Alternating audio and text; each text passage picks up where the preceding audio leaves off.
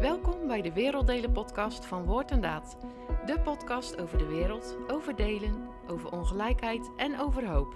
Over grote problemen en klein leed. Over groot beleid en kleine lichtpuntjes. Welkom bij de tiende aflevering alweer van de Werelddelen podcast van Woord en Daad. Voordat we de aflevering ingaan hebben we nog een uitnodiging voor onze luisteraars. We zijn een mooi online evenement aan het voorbereiden voor iedereen die meer wil weten over het werk van Woord en Daad. Het thema van de bijeenkomst is het bereiken van de allerarmsten en we zien je graag online op 24 juni.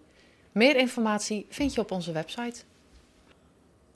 Dan gaan we verder met deze aflevering. We spreken vandaag met Jacob-Jan Vreugdeel. Hij is programmastratege bij Woord en Daad. Wat dat precies inhoudt mag hij zo meteen zelf vertellen. We spreken met hem over armoede in Nederland, van plaghut tot verzorgingsstaat. Jacob-Jan, heel hartelijk welkom in deze podcast. Ja, goedemiddag. Je hebt een quote of een voorwerp meegenomen om jezelf voor te stellen. Kan je dat anders laten zien? Ja, ik uh, heb een houtsnede meegenomen. Van uh, ja, donkerbruin uh, gebijtst hout. Uh, het continent van Afrika hè, kennen we hierin. Met, met een relief. Dus je ziet, je ziet hutten, je ziet mensen. Een stukje natuur. En uh, ja, dit hangt, uh, dit hangt op thuis bij ons al, al een heel aantal jaar. Uh, het heeft ook wel eens in een doos gezeten. We hebben niet altijd op dezelfde plek gewoond, of niet altijd in Nederland. Um, maar ik heb dit gekocht in, uh, in Rwanda als student. Ja, dit, voorwerp brengt mij ook heel erg terug bij mijn eerste herinnering, zeg maar, mijn eerste voetstap op Afrikaanse bodem. Ja, dat zit een soort heel bijzonder in je, in je systeem. Ik kwam uit het vliegtuig daar in Kigali. Het, was, het was een uh, dagvlucht geweest en uh, ja, ik ging het grote onbekende tegemoet. Hè. het was een stage voor, voor mijn studie die ik in Wageningen deed. En het was zo'n trapje van, uit zo'n groot vliegtuig dat je dan direct op het asfalt staat, zeg maar. Hè, en dan moest je verder lopen en het vocht, de warmte, de krekels. nou ja, welkom Afrika, zeg maar. En ja, dit, dit stuk, uh, ja, ik heb dat later een keer gekocht in, uh, op de straat daar. Uh, ja, ik heb vervolgens nog in een aantal andere landen korter of langer gewoond. vooral in Oost-Afrika. En um, ja, het is me heel erg in mijn, in, mijn, in mijn bloed, in mijn hart gaan zitten, dat continent. ik heb daar heel veel loyaliteit mee opgebouwd. Prachtig. Ik krijg heel veel mooie gevoelens als ik dit, als ik dit zie. Dat roept het gelijk weer op. Dus ja, persoonlijke contacten, maar ook gewoon het continent zelf. Hè. Het is schitterend gebeuren ook hele verschrikkelijke dingen. Nou ja, daar werk ik dan uh, hopelijk een klein beetje aan mee om daar een respons op te geven. Maar... Ja, als we even een stapje terug doen. Hè. Je komt dus voor een stage in uh, Rwanda terecht. Wat, uh, je komt van de middelbare school, je maakt een aantal keuzes. Zat toen dat buitenland al, al in jouw toekomstbeeld? Of hoe is dat precies ontstaan? Ja, nou, misschien niet eens vanaf heel vroeger. Kijk, als ik heel ver terug ga, dan kan ik me ook wel avonden, eh, herinneringen, dat, dat waren kerkelijke avonden, denk ik, in zaaltjes waar dan dia's werden getoond van, van zendingswerkers. Ik zou, ik zou de details allemaal niet meer weten, maar dat zit wel ergens. Ja, dat vond ik wel intrigerend, maar niet dat dat nou per se zoiets was op jonge leeftijd van dat, dat moet ik ook. Um, ik ben denk ik een generalist. Um, ik vind heel veel dingen leuk. Dat was op de middelbare school al. Ik, ik zat aan... Uh, richting psychologie te denken, theologie, uh, filosofie. Uh, daar lees ik ook nog veel wel over in vrije tijd. Uh, vond ik allemaal interessant. Uiteindelijk werd het Wageningen. Ook gewoon omdat um, het ideële, het groene en, en toch ook wel het internationale uiteindelijk. Ja, dat sprong eruit op zo'n op een voorlichtingsdag. Ik ben al een aantal keer geweest. En ja, dat raakte me. Dus ja, en dan begin je daar een studie. En van het een komt dan het andere. En dan ga je stage lopen. En dan, ja. Uh... Nou, en het is zo... Um, ik moet zeggen, ik begon een studie, maar dat was dus uh, landinrichtingswetenschappen. Dat was eigenlijk heel erg op Nederland gericht. Dat vond ik ook allemaal hartstikke interessant. Uh, maar aan het eind van mijn eerste jaar, onder andere ook door contact op de studentenvereniging... Ja, is het toch wel echt een, een soort mijlpaal. Ging het, ging het geloof heel erg voor mijn leven ik, ik ben christelijk opgevoed en er is me heel veel van thuis uit en vanuit uh, de kerk meegegeven. Maar ik denk dat dat toch wel echt een markeringspunt was. En dat werd zo radicaal voor mij dat ik dacht, dan wil ik ook een mogelijkheid voor zending en voor, voor uh, ja, hè, open houden. En toen ben ik ook van studie veranderd. Dus uh, toen ben ik overgestapt naar tropisch landgebruik, Aha. zoals het toen nog heette. En toen kwam dat internationale perspectief eigenlijk meer. Dus dat is als antwoord op je eerste vraag, ja. Vandaar. Ja. Ja, en na je studie werk je ook nog een tijdje voor het Wetenschappelijk Instituut voor de ChristenUnie. Maar op de deur eh, roept het buitenland. Hoe is dat gegaan? Kan je daar wat over vertellen? Nou ja, kijk, voor, voor dus die, die eerste baan, want dat was het hè, bij het WI van de ChristenUnie, eh, was ik dus student in, eh, in Rwanda, in Ethiopië ook later. Bij ZOA heb ik stages gedaan. Bij elkaar denk ik misschien een half jaar of zo. Nou ja, dat, dat, dat legde al heel veel basis, denk ik. Ehm, hele mooie tijd geweest. Maar goed, terug in Nederland inderdaad. nou, je bent een studie aan het afronden. Ik ben ook getrouwd tegen het einde van mijn studie. En nou, mijn vrouw die had ook al ideeën voor het buitenland. Uh, dat was een wens die we eigenlijk alle twee wel, uh, wel hadden. Ja, wat ik gedaan heb, ik, ik, studeerde af namelijk in een tijd met enorme werkloosheid. Hè. 2003 was dat. Hm. Het was toch gewoon lastig om aan werk te komen. Ik heb uh, een brief geschreven naar tien verschillende organisaties. Open brief, dit ben ik, dit wil ik graag, dit is mijn droom, kunnen we praten. En ja, gewoon een waaier. En nou, daar kreeg ik een aantal responsen op. Dus ik ben denk bij twee of drie organisaties uh, zijn de lijntjes gekomen. En één daarvan was de GZB, Gereformeerde Zendingsbond. Maar goed, die zeiden van, nou jullie zijn al wel erg jong voor een uitzending. Dus prachtig allemaal, maar kun je eerst wat werkervaring op gaan doen. Uh, goed, dat was wel een hele serieuze lijn. Dus uh, nou, toen, toen heb ik twee parttime banen gekregen bij het WI van de ChristenUnie. Hele mooie studies mogen doen. Aan ja, de wereldhandel, ongelijkheid in de wereld. voor de andere helft van mijn tijd werkte ik bij TEER. Uh, Teerfund. Um, maar het heette toen Teer. Twee banen, denk ik, waar, ja, waarin ik in ieder geval met de juiste dingen bezig was. Maar goed, het was allemaal wel in Nederland. En wij hadden toch ook wel die wens van, uh, ja, we willen toch ook wel graag de deur uit. Ja. En dat is uiteindelijk dus via de GZB, is dat ah. twee jaar, zo'n twee, tweeënhalf jaar later, ja, kwam er dus een opening in Zuid-Soedan. Ja. En ja, wij hadden toen twee kleine dochtertjes. Uh, dus dat was best wel even in het begin van, oké, okay, Zuid-Soedan. Wat ik ervan wist was vooral uh, genocide, hongersnood. Uh, maar goed, ja. dan ga je erin verdiepen en ja, die roep zijn we toch wel gevolgd. Ja. Mooi. Bijzonder. En hoe lang hebben jullie daar gewoond en gewerkt? Ja, in totaal is die periode uh, 7,5 jaar geworden. Uh, en die hebben we deels in Zuid-Soedan gewoond en deels ook in Nairobi, de hoofdstad van Kenia. En dan reisde ik heen en weer, want het, ja, het was op een gegeven moment ook erg onveilig in Soedan. En, uh, ja. ja, zo'n 7,5 jaar. Ontzettend uh, rijke periode, moet ik zeggen, als ik daarop terugkijk. Wat je, waarbij je enorm gestretched bent, zeg maar. In, in Soedan vooral ook. We kwamen aan in het huis moest ook nog gebouwd worden. Dat, uh, dat zou er staan, min of meer. Maar daar heb ik uiteindelijk zelf de tekening voor gemaakt. dus je, je, wordt, je komt in allerlei situaties van... Oké, ehm, dit moet nu opgelost gaan worden. En dat gaat niemand anders doen. Uh, dus dan doe ik het zelf. Hè? En, en zo was het met heel veel dingen. Ja. Het was echt op, in, de, in de bush. Dat is al een dus hele vormende periode, denk ik, als je zo ja, uh, jezelf geworpen wordt. Absoluut, ja. Ik, wij kunnen van heel veel dingen die, die vandaag gebeuren of die je onderneemt, die, die kan ik eigenlijk wel terugleiden op, uh, op die periode. Ja. Heel mooi geweest. En op de duur kom je terug in Nederland. Dan kom je bij Woord inderdaad terecht. Ja, kun je daar iets over vertellen? Want het is wel, denk ik, een andere tak van sport. Misschien is er ook wel iets overlap tussen wat de GSB doet en wij. Kun je daar eens iets over zeggen? Ja, de, ik, ik, zie daar zelf eigenlijk behoorlijk wat continuïteit. Want ik, uh, kijk, GZB is een, uh, een missionaire organisatie, zendingsorganisatie. Maar die hadden ook een, uh, een programma dienst, heette dat toen. Diaconale tak. En uh, kijk, ik was landbouwingenieur. Dus ik hield me vooral met, met voedselzekerheidsprogramma's en, later ook water bezig. Werkte wel veel met de kerken. Maar ik was geen, geen, geen kerk aan het planten of gemeenteopbouwwerk. Dat, was, dat, dat deden dan collega's. Ja, ik kwam bij Wortendaad terecht. Dat, dat werd ook onze terugkeer naar, uh, naar Nederland dan. Hè? Want wij stonden op een kruispunt van... Ja, wat is het volgende? Wordt dat een ander land? Of wordt dat terug naar Nederland? En ik, uh, ik liep tegen een uh, Wortendaad collega aan in Nairobi. En die zei van... Hé hey joh, er komen, er, zijn, er, er komen plekken vrij. Of we hebben mensen nodig. Je moet gewoon solliciteren. En dat ging allemaal heel snel. Nu zijn we online gewend. Maar toen ging ook dus alles online. Gewoon via Skype, via Skype interviews gedaan. Ja. ja voor ik het wist, uh, was ik aangenomen. Dus ja, um, dus toen konden we ook mooi dicht bij Gorkum gaan wonen. Want dat was eigenlijk niet de bedoeling. Uh, ja, en WASH was het toen, hè, woord inderdaad. We gingen met... Uh, Wat is WASH? Ja, dat is, dat is een afkorting natuurlijk. Die staat voor ehm, water, sanitatie en hygiëne. Er was een soort ja, reorganisatie geweest in een van de afdelingen die we toen nog hadden van Woord inderdaad. En En daar werd gezegd, ja, dit moet echt een speerpunt gaan worden. We willen meer met, met, met water en sanitatie gaan doen. Dus ja, daar ben ik toen op, uh, op aangenomen.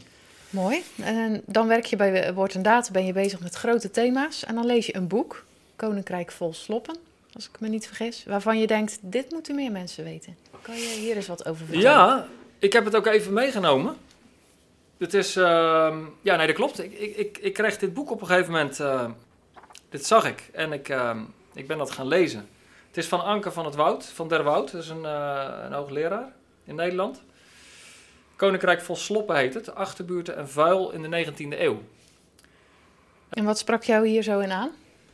Nou ja, kijk, sowieso vind ik de stijl van het boek erg leuk. Ik, uh, het, het, is een soort documentaire bijna. Er zit fotomateriaal in, cijfermateriaal. Het is wat analytisch. Uh, en het duikt in een thema uh, wat mij heel naar het hart ligt. Hè? En, en waar je met je werk voortdurend mee bezig bent. Dus armoede in Nederland.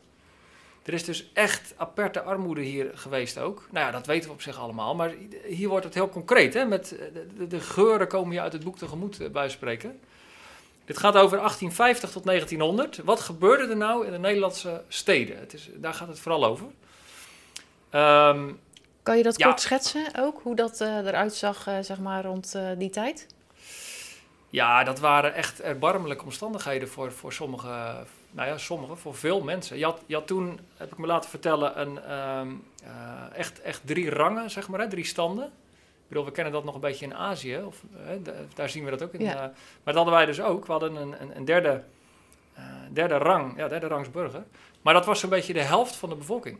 En die, ja, dat was echt overleven geblazen. Zorgen dat je uh, je wekelijkse inkomen krijgt. Uh, en dat je de eindjes aan elkaar kan knopen. Maar nou, dit, het focust ook een beetje op behuizing.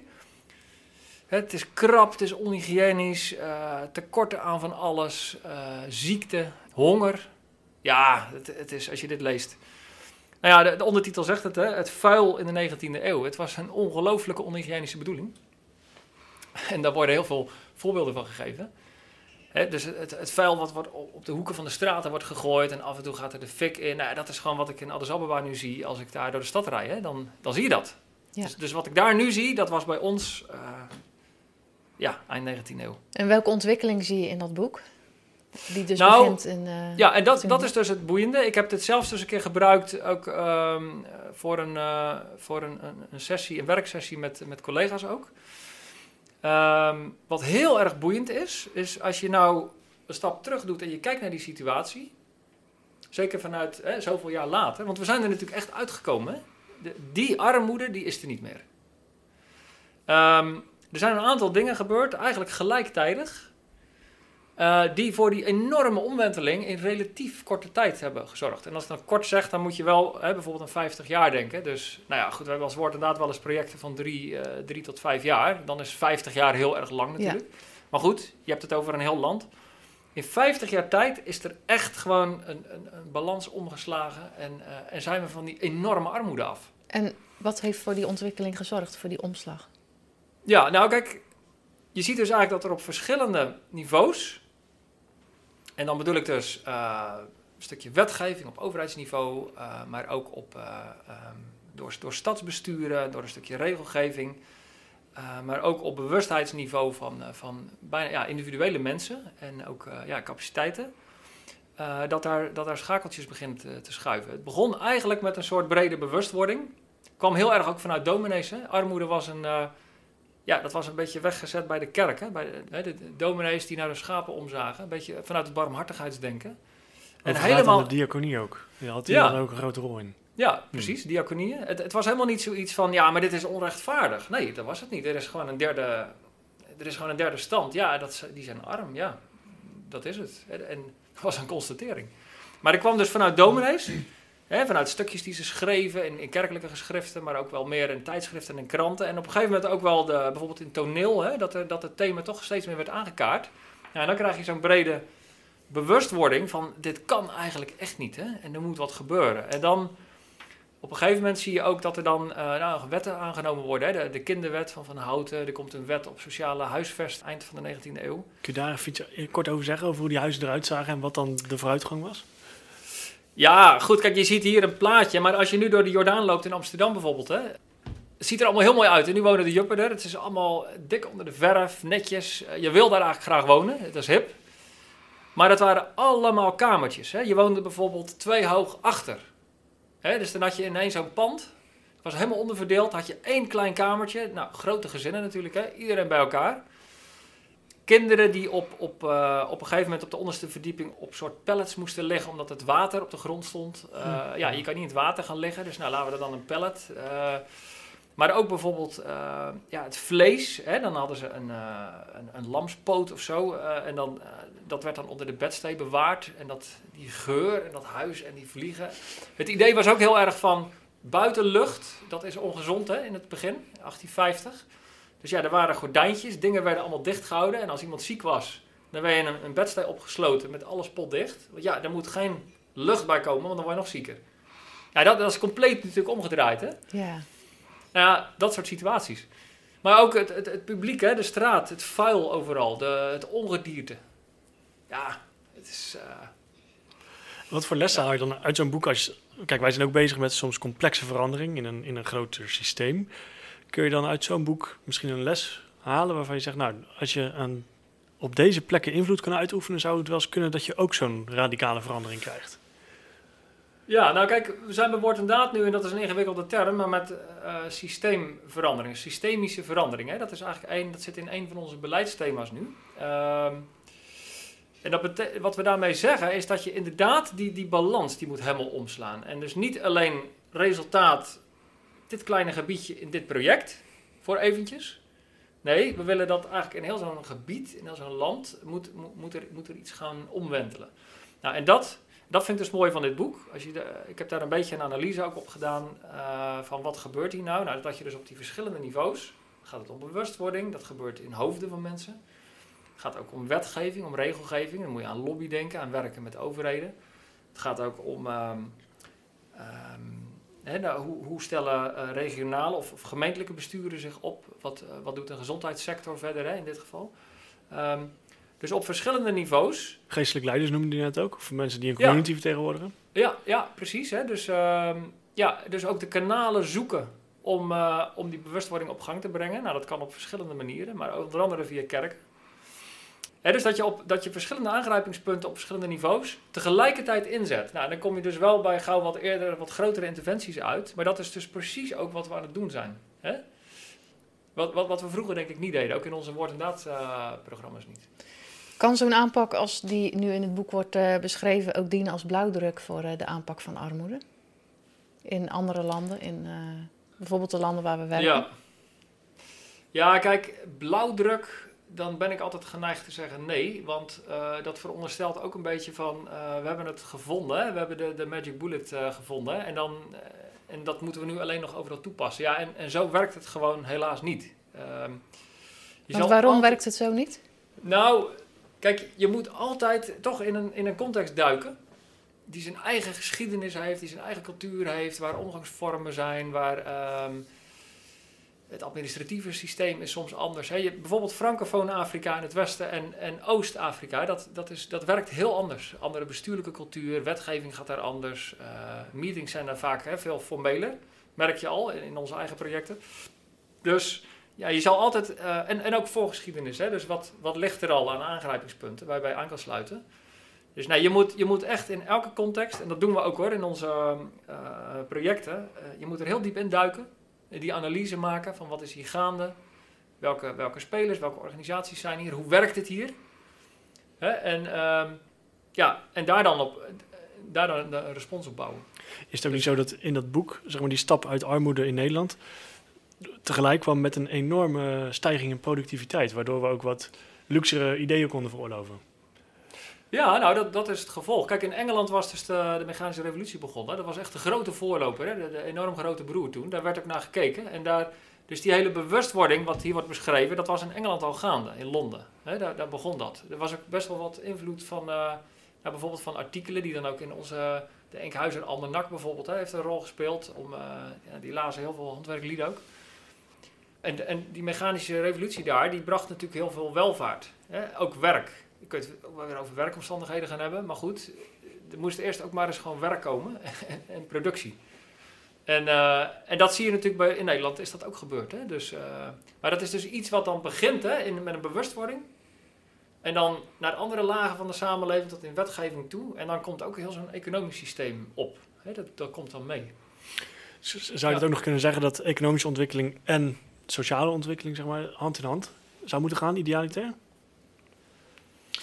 Ja, kijk, het, het, grijpt, dat is een grote vraag hoor, maar dat, het grijpt enorm op elkaar in natuurlijk. Ehm, en, en wat je natuurlijk, hè, wat, wat ik in ieder geval uit dit boek zie, eh, en wat je wel kunt stellen wellicht, is dat die ehm, dus oog hebben voor ja, een stukje gelijke verdeling van, van welvaart. Ook als een land op zich nog niet heel ver is, hè, of, of de kloof die er is tussen, tussen, tussen je mensen. Dat die bewustwording wel in ieder geval helpt om, eh, om ontwikkeling voor iedereen natuurlijk mogelijk te maken. Hè? Kijk, reaching the unreached, hè? De, de, de onbereikte bereiken, dat is heel belangrijk voor woord en daad. Hè? Ik hoorde het net al even in de, de vooraankondiging, de, de bijeenkomst daarover. Dat is altijd een thema in onze projecten. Hè? In, in eh, landen in Afrika is heel vaak natuurlijk sprake van een kloof ook. Hè? Dus de rijken worden rijker en de armen armer. Ja, daar, daar moet je weg van komen natuurlijk. Want anders bouwt ook politiek weer allerlei spanning op. Ja, om Ja. ehm, uit armoede te komen is denk ik een systeemverandering nodig. Dat hoor ik eh, jou ook zeggen. Dat er verschillende actoren nodig zijn die moeten veranderen om eh, uit armoede te komen. Kan je ook een voorbeeld geven van een project waarbij, je, eh, waarbij we die zogenaamde system change, systeemverandering beogen? Ja, kijk, er zijn allerlei voorbeelden van. Maar wat het me dichtstbij ligt is natuurlijk een van mijn eigen projecten. Dat is in, in Ethiopië, in het, langs de rivier de Awash. Dat is een hele lange rivier daar, 1200 kilometer. Daar, daar zijn we een, eh, een project gestart een aantal jaar terug. In een, in een hele brede samenwerking met, eh, met zowel Nederlandse organisaties, er is een bedrijf bij, een waterschap, eh, de Vereniging van Nederlandse Gemeenten. En aan de Ethiopische kant. Er zit een regionale overheid bij. ehm, eh, de Rijkswaterstaat van Ethiopië, zeg maar. Een heel jong instituut, dat zit bij dat partnerschap. Ehm, en met elkaar ehm, ben je naar een heel complex probleem aan het kijken. Hè? En voor woord en daad is dus, en eigenlijk ook dus voor het project, is de, is de ambitie, de doelstelling, om tot een meer gelijke en meer eerlijke verdeling van water te komen. Want het probleem is nu dat dat nog niet het geval is. Ja, precies. Ja, Ja. Hoe ziet dat precies uit, dat, die ongelijkheid of die on- oneerlijke verdeling? Ja, nou kijk, ik kan het even als ik het samenvat en dan, dan doe ik natuurlijk iets te kort aan de complexiteit. Maar het ziet er zo uit dat je hebt een grote rivier, die is strategisch ook heel belangrijk voor, eh, voor heel veel eh, ja, activiteiten en investeringen rondom eh, vooral ook bovenloops. Daar, daar vind, het gaat over irrigatiewater overigens in dit project. Grote plantages, bovenstrooms, die heel veel water afvoeren. Suikerriet moet je daarna hebben. En dat wordt ook nog eens een keer geëxporteerd. Versus benedenstrooms. Als er een droog jaar is, dan wordt er zoveel water gebruikt. Dat er gewoon in, het, eh, eh, in benedenstrooms blijft er gewoon niks over. De, de rivier eh, mondt ook niet uit in zee. Hè? Dus het, het wordt een soort moeras en dan is de verdamping heel hoog op een gegeven moment. Dus er is te weinig, de grote en de kleine eh, spelers. En bovenstrooms, benedenstrooms. Die dynamiek. Dus die verdeling is eh, heel ongelijk. En Heel als, je, ongelijk. en als je dan bovenaan wat aftapt, dan heeft 1200 kilometer verderop iemand... Ja. of al die mensen langs die rivier hebben wat minder. Ja, die hebben het nakijken. Dus dat is. En, maar ook zeg maar, en dat, dat speelt zelfs bovenstrooms. Je hebt de hele grote plantages en je hebt de kleine keutenboertjes, hè, de smallholders zoals, we die noemen. Die vaak met één klein motorpompje, slangetje in de rivier. Maar goed, ehm, dan moet je wel direct land hebben naast die rivier. En anders heb je ook het nakijken. Dus weet je, die ongelijkheid. Hè? En eh, nou ja, wij komen graag op juist ook voor die kleine, die kleine boeren. Hoe kunnen we die verenigen? Hoe kunnen we die toegang geven tot water? Ook in droge jaren kunnen er verdeelladders komen. Nou ja, dan kom je toch wel weer bij die Rijkswaterstaat uit ook. Die je nodig hebt om dat te verankeren in een stukje wetgeving. Hè, zodat als het project ophoudt, dan moeten ze er nog steeds van profiteren. Maar in dat project zijn we dus ook op al die verschillende niveaus. ehm, dus zowel met, met, met regelgevers, met een stukje wetgeving, eh, met de capaciteiten van dienstverleners, een waterschap, eh, met bewustwording en communicatie eh, van, om eerlijker te gaan verdelen. Op al die niveaus hebben we activiteiten lopen. Dus in Ja. die zin kan je zeggen dat eh, de ontwikkeling die bijvoorbeeld in dat boek is eh, geschetst, dat die redelijk overgezet kan worden in het project. Hoe je daar nu mee omgaat. Of Ja, is dat te nou ja, kort door de bocht? Ja, de- nou ja, kijk, eh, het concept zit er wel in, inderdaad. Hè? Dat je, we, ja, we proberen inderdaad ook te leren van, eh, hè, van ons Van eigen werk en van de ja. geschiedenis. Maar inderdaad, ja, dat is wel gelijk, ja, dat die niveaus erin zitten. En vordert dat een beetje? Of zeg je van, nou, daar hebben we wel 50 jaar voor nodig, zo'n rivier? Ja, goed. Ehm, kijk, dit betreffende project is eh, zes jaar. Ehm, ik kan natuurlijk niet hier beweren dat in zes jaar inderdaad dat allemaal opgelost is. Hè? En, ehm, en, en, ik denk dat alle betrokkenen dat ook, eh, ook, ook weten bij dit project, inclusief ook een donor. Eh. Nee, je hebt absoluut langer nodig. Maar ik, ik vind een belangrijke vraag: zien we een trend en gaat die de goede kant op? Mm en natuurlijk wil je liever dan meer verandering zien dan minder. Uh, daar doen we hard ons best voor. Maar uh, gaat, gaat het de goede kant op? En dan is het antwoord volmondig ja. Er, er, gebeuren echt hele mooie dingen. Want welke trends zie je nu bijvoorbeeld van de laatste tijd? Nou, we zien dus dat, uh, nou, punt 1 is eigenlijk al dat die Rijkswaterstaat, ik zei het net al even, dat er een nieuw instituut is gecreëerd. Omdat men er ook achter kwam, ja, dat, dat was er gewoon nog niet, hè, voor, om zeg maar ook hydrologisch naar een gebied te kijken. En niet alleen maar vanuit een administratieve eenheid, of zelfs etnische, wat in Ethiopië heel veel gebeurt. Um, maar je ziet dus dat, um, ja, dat dingen zich ontwikkelen. Structuren komen op, verantwoordelijkheden. Die discussie gaat het natuurlijk heel erg over. Hè, van wie is verantwoordelijk voor wat. Maar we zijn ook heel erg aan het leren op samenwerking bijvoorbeeld. Van hoe werk je nou samen? Bijvoorbeeld bovenstrooms en benedenstrooms. Er zit best wel wat spanning op natuurlijk. Hè? Maar is daar enige uh, vorm van samenwerking mogelijk?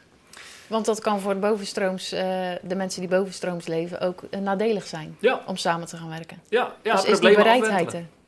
Nou ja, kijk, een heel mooi voorbeeld, een concreet voorbeeld hier, is dat samen met uh, Waterschap Zuider-Zeeland uh, hebben we toegewerkt naar een, het, het, maken van een waterakkoord. Dat is eigenlijk een heel erg Nederlands instrument, wat uit onze waterschapsgeschiedenis is opgekomen. Dus wat betekent dat je dan nou, gezamenlijk met verschillende partijen, en dat kunnen bij ons provincies, gemeenten zijn, waterschappen, Rijkswaterstaat, en dat je vanuit een overstijgend belang een technisch probleem gaat oplossen. En dat betekent dus dat je dan een stukje soms van je eigen mandaat moet inleveren. Uh, je gaat ook niet afwentelen van in mijn gebied zorg ik dat het probleem voorbij is, dan moeten ze het benedenstroom voor op. Nee, dat doen we niet. Dat is dan de overeenkomst. Nee, je hebt een waterakkoord. Dus met elkaar gaan we dat oplossen. Nou, dat waterakkoord, dat is op papier getekend. We hebben binnenkort de, de signing ceremonie, zoals dat heet, hè? dat hebben we voorbereid. Maar dat is echt een mijlpaal als het gaat om samenwerking in Ethiopië. Hè, die, dat heb ik niet eerder nog gezien. Nou, dat zijn ontzettend mooie dingen. En Ja. vervolgens willen we dus de uitvoering van het akkoord ook echt gaan supporten de komende jaren. Van, eh, om dat eh, goed te laten slagen. Mooie vorm van samenwerking Ja. als dat eh, slaagt. Ja. Hebben jullie nog last gehad van het eh, conflict in Ethiopië?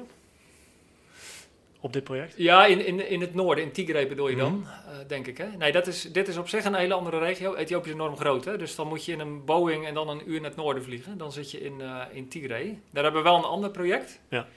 En eh, ja, daar hebben we heel erg mee te maken. Daar zitten we, zitten we middenin. Dus dat is eigenlijk van een ja, ontwikkelingsproject met een lange termijn doelstelling... is dat in noodhulp overgegaan nu. En dan kan je systeemverandering of je beoogde systeemverandering ineens eh, onder water komen te staan. Ja, dat is een. eh, ja, we waren daar ook inderdaad echt op dat systemische niveau aan het werk. Met een eh, regionaal waterministerie ook. Prachtproject. En, en daar is gewoon een bom afgegaan, hè? Letterlijk. Over, ja, is ook systeemverandering misschien, maar dan eh, heel negatief. Hè? Dus, negatief, eh, ja. En je brengt ook weer heel veel jaar, terugplaatsen, ja. veel ter- jaren Ja. terug in de tijd. ja, dat is verschrikkelijk pijnlijk hoor. Eh, ja, ook voor onze partners natuurlijk, hè, die, daar, die daar werken. Maar goed, we zijn nu noodhulp aan het doen. eh, en aan het kijken van wat kunnen we weer oppakken aan, eh, aan regulier projectwerk. Ja, je kunt tot zegen zijn, hè, ook in deze situatie. Ja. En ja, daar, daar put ik mijn hoop ook maar uit.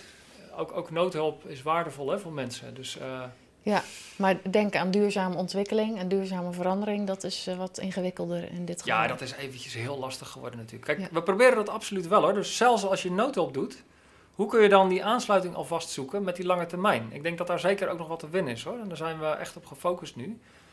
Uh, want je kan ook helemaal in een noodhulpfocus schieten, waarin mensen ook weer heel ja, afhankelijk worden van je. En dat is ook niet wat we willen. Dus we willen wel partners blijven. Kun je er een voorbeeld van geven? Deel je dan dingen uit of zo? Ja. Eh, Of hoe, hoe zie je dat? Nou ja, dat, je zegt het eigenlijk. Kijk, pure noodhulp, en dat is ook nodig hoor, maar eh, er worden materialen voor noodonderkomens uitgedeeld, er wordt eten uitgedeeld, eh, is water soms ook hè, uit, met, uit trucs. Ja, alles wordt aangereikt. Mensen zijn ook niet thuis, ze zitten in kampen, ontheemden. Ehm, ja, hoe lang moet dat duren? Maar soms duurt dat heel lang in conflict situaties. Hè? Ja. En ja, wat, wat kun je dan alweer doen om toch ja, lange termijn eh, ja, capaciteiten ook in zo'n regio op te bouwen? Zelfs hè, vanuit de noodhulp. Dus dat is een uh, gebied... Terwijl voor duurzame ontwikkeling ook stabiliteit in een land nodig is. Dus dat lijkt me in dit geval toch een uh, ingewikkelde opgave. Ja, dat is absoluut waar. Dus veiligheid, dat is gewoon nummer één. In dat project hadden we dus... Uh, in elke, we zaten in twaalf districten van die regio, hadden we bedrijfjes opgericht om, um, om, om watersysteemonderhoud te doen. Zelfs ook preventief, zeg maar, met servicecontracten. Uh, in de rurale gebieden. Dus ja, die teams, die bedrijfjes, ja, die moeten gewoon per brommer uh, moeten ze dat gebied in kunnen. Ja, dat, dat kan nu op de meeste plekken niet. Hè. Dus nou, er zit een verdienmodel onder. Die, uh, die mensen, hè, vaak jonge mensen, die moeten ook wat verdienen. Ja, dat, dat is allemaal gestaakt nu. Hè, de, de, de, bedrijfjes zijn ook geplunderd, motorbikes meegenomen. Um, nou goed, dat is dan nog, hè, dat, kan je, dat kan je vervangen. Hè, dat is het grootste ja. probleem niet. Maar nee. kan dat hele model weer gaan functioneren? Ja, dat, en dat moet dan niet te lang gaan duren natuurlijk. Want nee. dan is het echt een genadeslag. Dan, gaat, dan gaan mm -hmm. mensen ook andere dingen doen. Ja, ja precies. Dus dat is een hele moeilijke fase inderdaad waar we zitten nu. Ja. Pittig. Um, naar aanleiding van het boek over Nederland, zal ik te denken... Uh, soms krijgen wij de opmerking van... Nou ja, wordt inderdaad, probeert iets te doen aan armoede ver weg. Maar kijk eens ook uh, dichtbij. Soms kun je je eigen stad al heel veel leed verzachten. Kun je daar eens op reflecteren van... Is het onze taak om mensen zo ver weg te helpen... terwijl je in je eigen stad ook heel veel kunt doen? Ja, nou dat is een interessante vraag. Um, daar valt natuurlijk heel veel over te zeggen.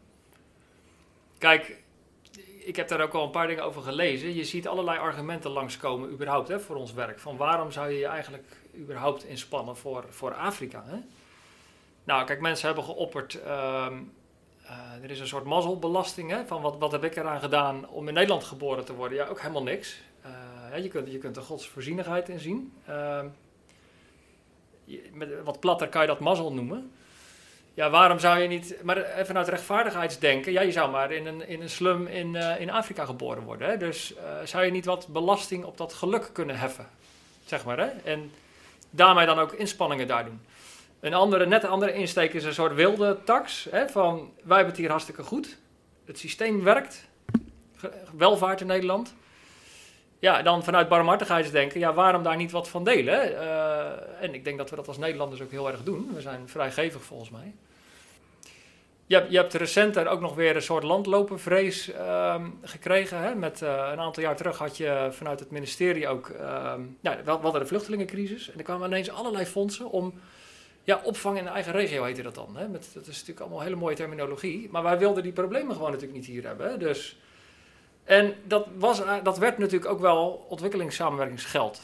Hè, wij, hebben zelf een, een heel groot uh, programma in Ethiopië om, uh, met migratie. En ja, ergens mogen eigen belang en belang van anderen ook wel samengaan misschien, waarom niet? En in dit geval denk ik van gebeuren er hele mooie dingen. Maar wat, ik er ook in proef is gewoon, ja, we willen gewoon niet dat die mensen in, die bootjes stappen. En misschien deels ook wel terecht, hè, want hoe gelukkig worden veel mensen hier? Hè? Mm. Daar moet je ook naar kijken. En ja. ik denk misschien als laatste, we zitten ook, en dan is dat is een hele grote scope, van we hebben ook te maken wereldwijd met een heel aantal ja, global issues, zoals we ze noemen. Hè. Uh, de watervoorraad vermindert, raakt op, daar is een podcast over gegaan. Um, uh, klimaatverandering, um, nou, dus, er spelen allerlei grote issues.